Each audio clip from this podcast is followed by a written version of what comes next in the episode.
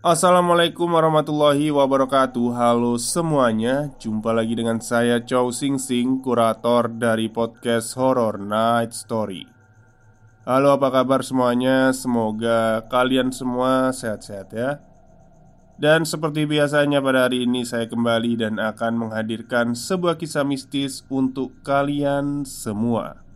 Kisah mistis kali ini saya datangkan dari treat horornya Mas Kripilogi yang berjudul Pajangan Kerah di Rumah Om Pras.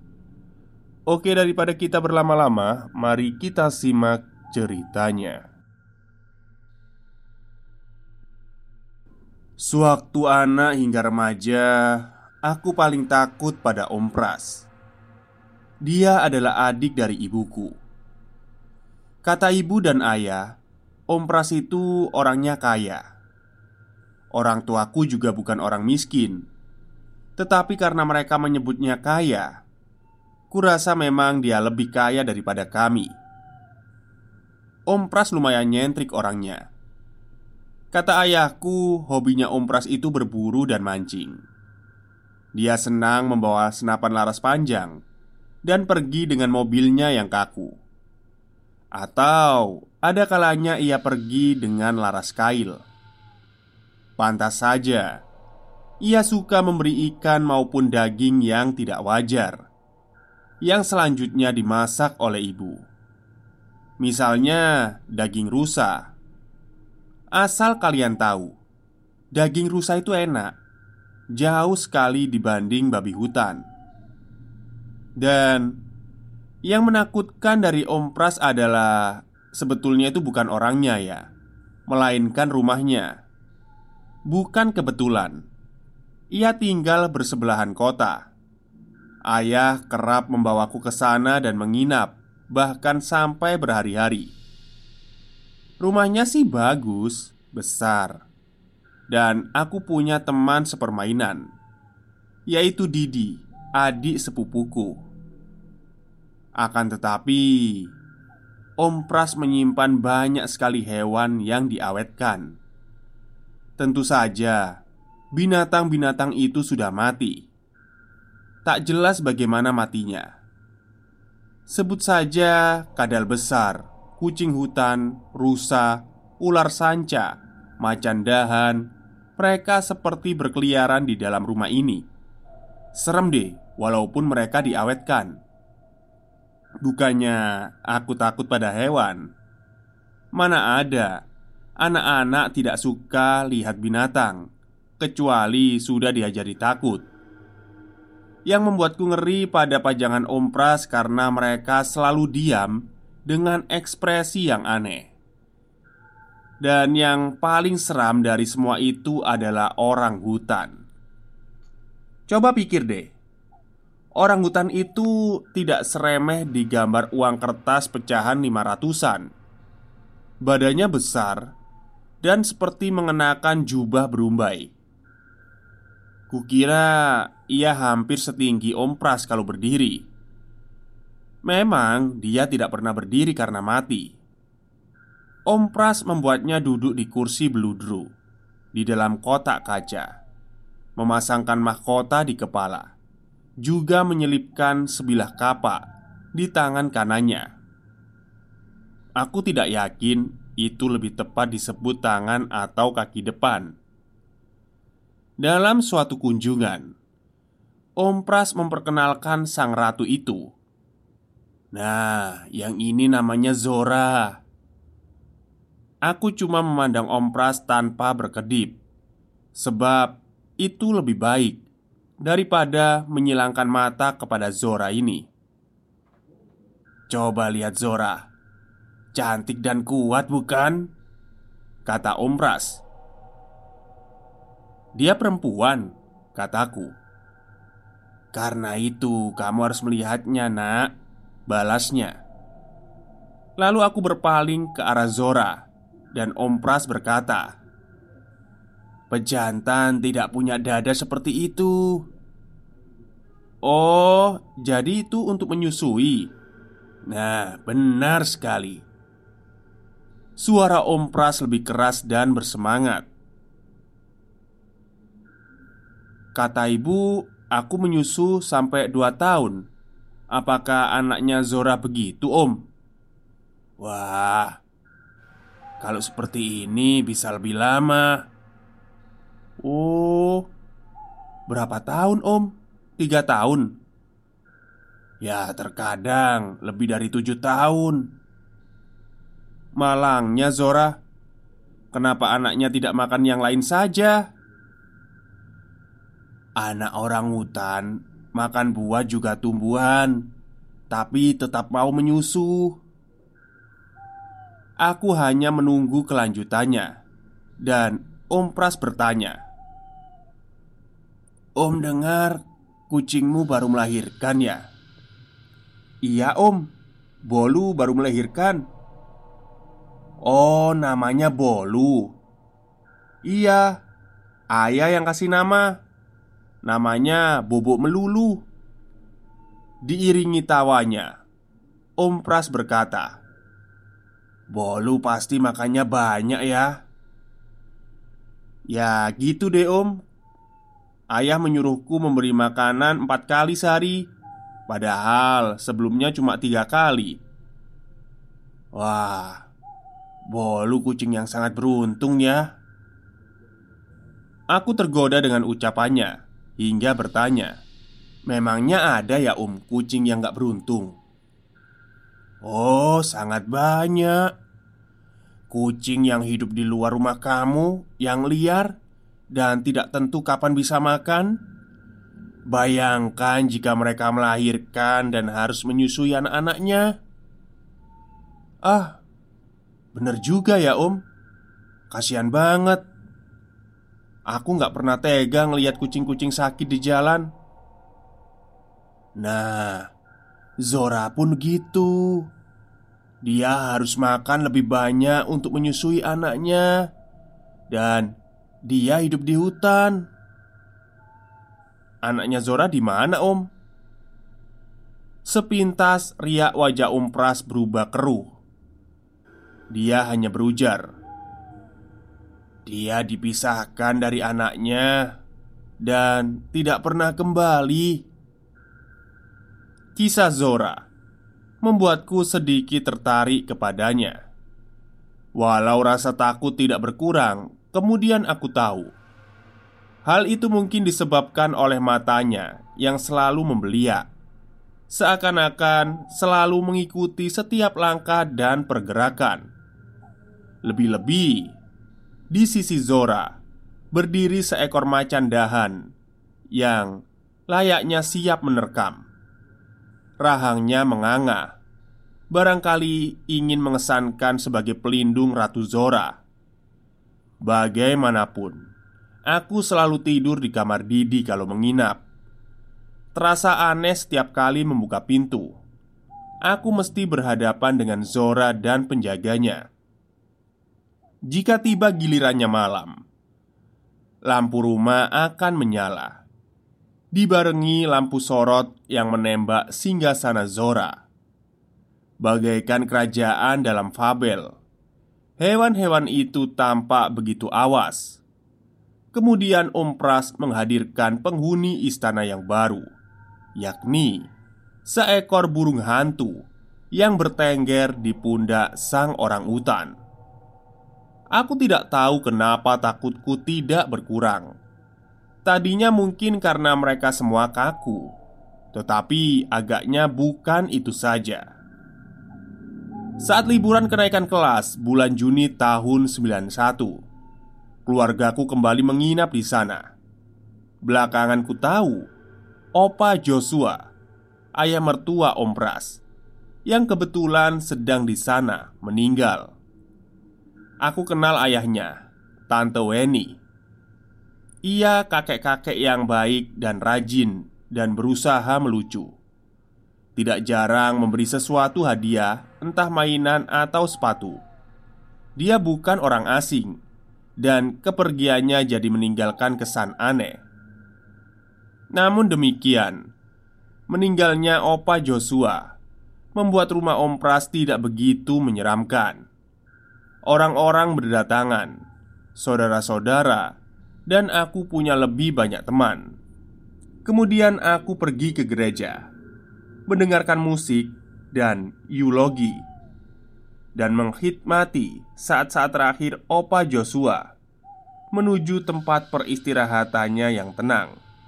Dan setelah itu semua, rumah Om Pras kembali seperti awal. Temanku hanya Didi, sementara Zora dan pasukannya senantiasa bersikap tegang di wilayahnya. Sudah malam ketika itu. Aku sedang main video game bersama Didi. Tetapi Mataku tidak tahan lagi. Akhirnya aku menyerah Dan kukatakan Aku udah ngantuk Udah dulu ya. Didi mengangguk ala kadarnya Sambil mengatakan dia akan menyusul Aku pun beranjak sendirian Menyusuri dua ruangan yang memanjang di tengah ruangan kedua, kuayunkan langkah lebih cepat. Hewan-hewan itu seolah-olah langsung menangkapku, bahkan berusaha menindas bayanganku. Sesekali terbesit keinginan melirik mereka. Namun perasaanku keburu makin ciut. Akhirnya sampai juga di depan pintu kamar Didi. Aku tinggal mendorong pintunya, lalu segera berbalik untuk menutupnya. Namun, aku tidak segera melangkah ke dalam. Antara ragu dan yakin, kupikir aku baru mendengar langkah kaki seseorang di belakang. Agaknya tepat di sekitar kursi kebesaran Zora. Aduh, yang benar saja tidak mungkin ada siapa-siapa di situ. Hanya saja aku sedikit ragu, sebab dari tadi mataku terus menunduk, dan langkah itu terdengar lagi lebih nyata. Sandal kayu, ya, itu bukan bunyi yang mudah disayupkan. Plak, plak, plak. Ayah Suaraku bergetar pelan. Plak.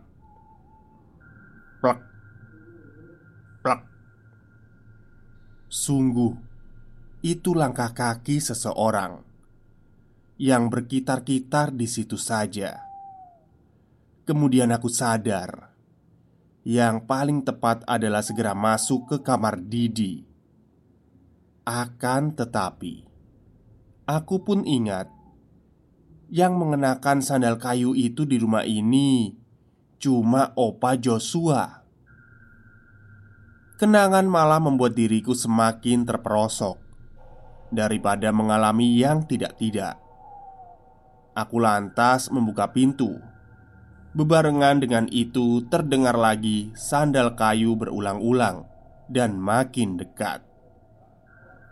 Tanpa berpaling, Pintu kubanting Lalu aku menahannya dengan punggung Oh ya Aku juga bisa menguncinya Tetapi itu tidak perlu Lain halnya setelah terdengar ketukan berulang dari luar Tok tok tok Iya siapa? Bukain pintunya Kok kamu kunci sih? Ah, leganya mendengar suara Didi. Maka aku berbalik segera lalu membuka pintu. Maaf, aku nggak sengaja, Di. Adik sepupuku tidak ada. Sedangkan aku telah berhadap-hadapan dengan Zora dan yang lain-lain. Kali ini aku dan dia tak bisa menghindari kontak mata. Batinku tersengat karena rupanya kera besar itu tidak begitu menyeramkan ketimbang wujud Opa Joshua yang tengah mengusap rumah kaca orang utan itu. Opa Joshua melirik ke arahku. Tatapan yang kering dan tidak peduli.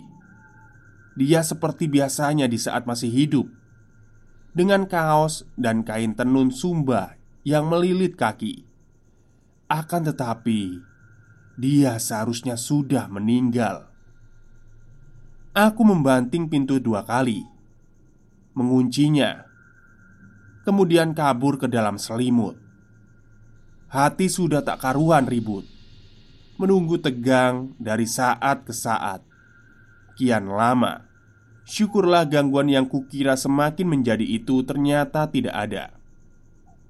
Semoga tidak pernah datang lagi.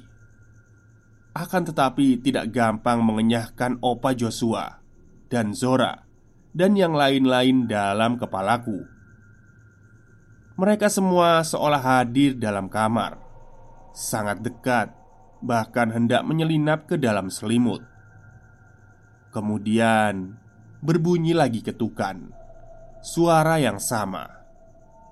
Didi, awalnya aku tak percaya Hingga ia terdengar kesal lantaran mengira aku sengaja mengerjainya Woi, kenapa dikunci sih mas? Ucapnya sewot Pintu terbuka Aku pun menceritakan pengalamanku beberapa saat kemudian Kamu lihat opa Komentar Didi terpana Demi Tuhan Aku lihat opa dengan jelas Terus, apalagi? Ya, cuma itu. Sebelumnya, maksud kamu apa? Santai saja. Aku paham kok, Mas, perasaanmu di rumah ini. Mendapat kesempatan mengeluh membuatku lebih tenang. Terus terang, memang baru sekali ini, tapi aku udah lama takut dengan hewan-hewan itu. Oh, kamu nggak salah, Mas.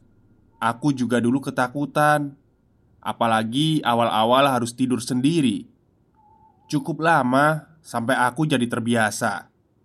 Terus terang juga, aku selalu membujuk papa supaya mau menginap di sini. Jadi, perasaanku wajar ya. Bahkan itu bukan sekedar perasaan, memang hewan-hewan itu seram tahu. Emang kamu punya pengalaman apa? Aku percaya mereka sering bergerak sendiri, bahkan lebih dari itu. Hah? Masa? Iya. Kamu tahu kan buaya yang ada di ruang tamu? Tahu? Emang kenapa? Aku yang membuat dia dipindahkan sendirian di sana. Kata papa, aku kesurupan berkali-kali karena sesuatu yang ada dalam spesimen itu. Hewan-hewan itu memang seperti bernyawa. Papaku sendiri sangat suka taksidermi. Itulah alasannya binatang-binatang di rumah ini begitu ekspresif. Oh, semuanya dibuat-buat. Iya, dia yang membuatnya. Kelihatannya rumit. Terus, bagaimana mereka mati? Kamu pernah mengira mereka dibunuh papaku? Hmm, nggak mesti begitu sih Sebelumnya aku pikir begitu juga Terus ternyata? Ternyata hewan-hewan itu ia dapatkan sudah mati Termasuk ular dan buaya. Semuanya. Kebanyakan itu pemberian orang atau dibeli bangkainya saja. Macan itu? Kambila. Iya. Dia dari kolektor yang terpaksa menembaknya mati karena menerkam anaknya. Kukira mereka semua dibunuh sama papamu. Enggak, dia itu cuma berburu rusa dan babi. Kamu tahu kan ceritanya Zora? Aku tahu, dia seorang ibu, cuma sebatas itu aja. Zora itu pelacur. Zora pelacur? Iya, pelacur WTS. Aku tidak pernah berharap mendengar ucapan sejauh ini. Bagaimana ya? Uh, pokoknya dia itu melayani seks untuk pria. Aku juga nggak tahu banyak tentang itu. Mana mungkin kita tahu? Begini deh, kata papa, Zora dibunuh dari hutan di Borneo lalu dijual kepada seorang dukun. Ia kemudian dilatih atau dipaksa dengan sadis sampai bisa berhubungan badan dengan pria. Ih, jijik sekali. Bagaimana bisa manusia gituan sama kera? Supaya kaya dan sakti. Ah, ceritamu aneh. Kamu baca buku apa sih? Aku nggak bohong, papaku yang cerita. Dia nggak pernah membohongiku. Dan Zora mengerti berhubungan seks dengan manusia. Ya, begitu yang ku dengar. Aku nggak nuduh kamu bohong, tapi cerita itu sulit ku percaya. Manusia ngeseks sama kera. Mas, orang utan itu sangat pintar, kata papa. Dia itu sudah diambang zaman batu seperti masa Paleo Javanicus gitu Iya Tinggal saatnya mereka menemukan api Dan kita nggak bisa membayangkan ke depannya Tapi Apa benar Zora punya nafsu sama manusia? Menurutku manusia juga nggak bernafsu padanya Tetapi manusia-manusia menjijikkan itu punya maksud kan? Kalau itu Zora juga punya maksud Agar dia nggak disiksa sama si dukun Dengan urutan seperti itu Aku lantas menebak Oh Akhirnya Zora dibunuh. Ya betul. Konon Zora itu berusaha kabur lalu ditembak. Kebetulan ada orang baik yang menyelamatkan jasadnya. Begitulah Sampai akhirnya ia berpindah tangan menjadi milik papa. Bentar, bentar, bentar. Tunggu dulu. Aku belum paham Kenapa manusia yang begituan sama Zora bisa kaya dan sakti Sejauh yang diceritakan Dia itu dipengaruhi roh jahat, arwah atau semacamnya Gampangnya begini Roh itulah yang sebenarnya mau begituan sama manusia Sebelum ia memberi imbalan, lalu ia menggunakan Zora untuk penampilan fisik. Kamu percaya kan sama roh jahat dan setan? Ya, tentu saja, itu kan ada di Alkitab. Aku kan lebih rajin kebaktian daripada ayah. Tapi soal Zora, artinya dia nggak secerdas itu dong. Kamu benar juga. Yang pasti aku cerita sesuai yang diceritakan. Omong-omong, aku juga pernah melihat Opa sebelum ia meninggal Mirip dengan kisahmu yang tadi Opa mengusapi rumah Zora Menatapnya dalam-dalam Seakan-akan mereka saling bicara Dia itu sayang sama Zora setengah mati Padahal hewan itu kan sudah mati ya Tapi bukan itu kisah horornya Opa Joshua masih ada Sayangnya, Opa baru datang kemari keesokan malamnya. Hah? Masih banyak cerita tentang Zora. Roh itu rupanya terus mengikutinya ke mana pun. Mamaku pernah mengamuk karena terpengaruh oleh roh itu. Kamu masih mau dengar cerita ini? Ya boleh aja, cerita aja. Bentar ya, aku pipis dulu. Didi bergegas ke kamar mandi yang ada di sudut kamar. Kembali aku sendiri Namun untuk sementara Keran air terdengar mengucur dari situ Dan aku terbayang lagi kisah memilukan Zora Tiba-tiba saja Eh, kenapa kamu ngelamun? Didi nampak di pintu masuk yang baru saja didorongnya Sebaliknya, aku mendengar pintu kamar mandi terbuka Peristiwa aneh itu terjadi saat aku berumur 15 tahun Aku tidak pernah melihat Didi kembali dari kamar mandi. Di sisi lain, Didi yang belum begitu lama tiba menjerit seketika lantaran sesuatu yang sukar dimengerti. Lantas, ia menyuruhku pergi. Aku tidak melihat, mendengar, atau berfirasat apa-apa saat itu. Semua serba membingungkan. Namun, aku segera sadar ketika Didi mengepalkan tangannya, lalu diacungkan seiring tubuhnya menggelegar dan dia meracau tentang Zora. Aku berlari menghampirinya, kemudian melihat sesuatu bayangan hitam dari dalam rumah Zora yang berkelibatan ke arah Didi. Adik sepupuku tidak dapat menemukan kesadarannya saat itu. Butuh waktu lama. Meskipun telah dimintakan bantuan gereja, departemen psikiatri, dan ahli neurologi, sampai pemuka agama Islam, dia kehilangan masa belajar yang sangat berharga. Om Pras berkisah, Zora pernah dibersihkan segera setelah Tante Weni dirasuki Dan tidak pernah ada keanehan sesudah itu. Namun, pengamatan itu terbukti meleset. Pada tahun 1999 Om Pras pergi melewati perbatasan Indonesia di Borneo. Aku hanya tahu dia hendak mengembalikan Zora kepada seseorang di hutan. Tiga hari selepas keberangkatan Om Pras Didi secara ajaib sadar dan dapat melakukan semuanya secara normal. Akan tetapi, aku tidak pernah lagi melihat Om Pras. Oke, cerita yang creepy ya menurut saya ya. Jadi kayak saya pernah memang baca sebuah berita dulu anu ya, belum gadget belum secanggih ini Maksudnya itu Belum setren ini.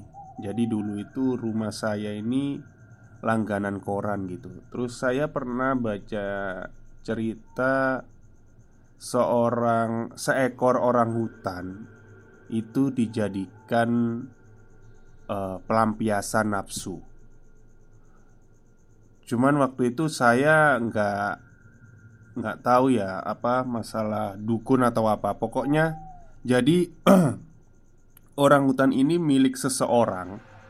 Terus kalau ada seseorang yang ingin melampiaskan nafsunya itu bayar ke si pemiliknya gitu. Kayak waktu itu 5000 mungkin ya kalau nggak salah. 5000 apa 10000 terus ya udahlah ngesek sama orang hutan itu udah selesai gitu. Cuman saya nggak tahu juga kalau ada cerita lengkapnya. Ternyata dia ini milik seorang dukun. Dan kalau berhubungan sama si orang hutan ini bisa jadi kaya juga. Nggak paham juga ya. Jadi saya memang pernah mendengar cerita itu. Uh, orang hutan yang dieksploitasi buat jadi PSK pelacur.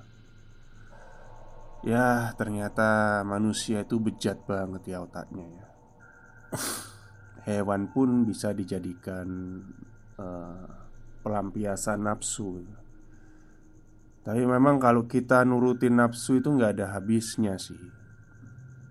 Bahkan saya pernah membaca sebuah artikel itu uh, seseorang yang berhubungan, maksudnya itu melampiaskan nafsunya lewat kambing itu ada juga itu. Terus dubur ayam, uh, jijik sih ngelihatnya. Ya nggak tahulah apa itu fetis atau apa nggak tahu juga sih.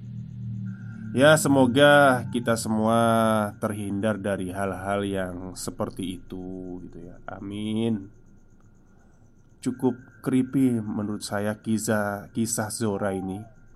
Sampai ya nggak bisa berkata apa-apa lagi ya saya ya seekor hewan dijadiin pelacur gitu kan lebih kejam dari manusia.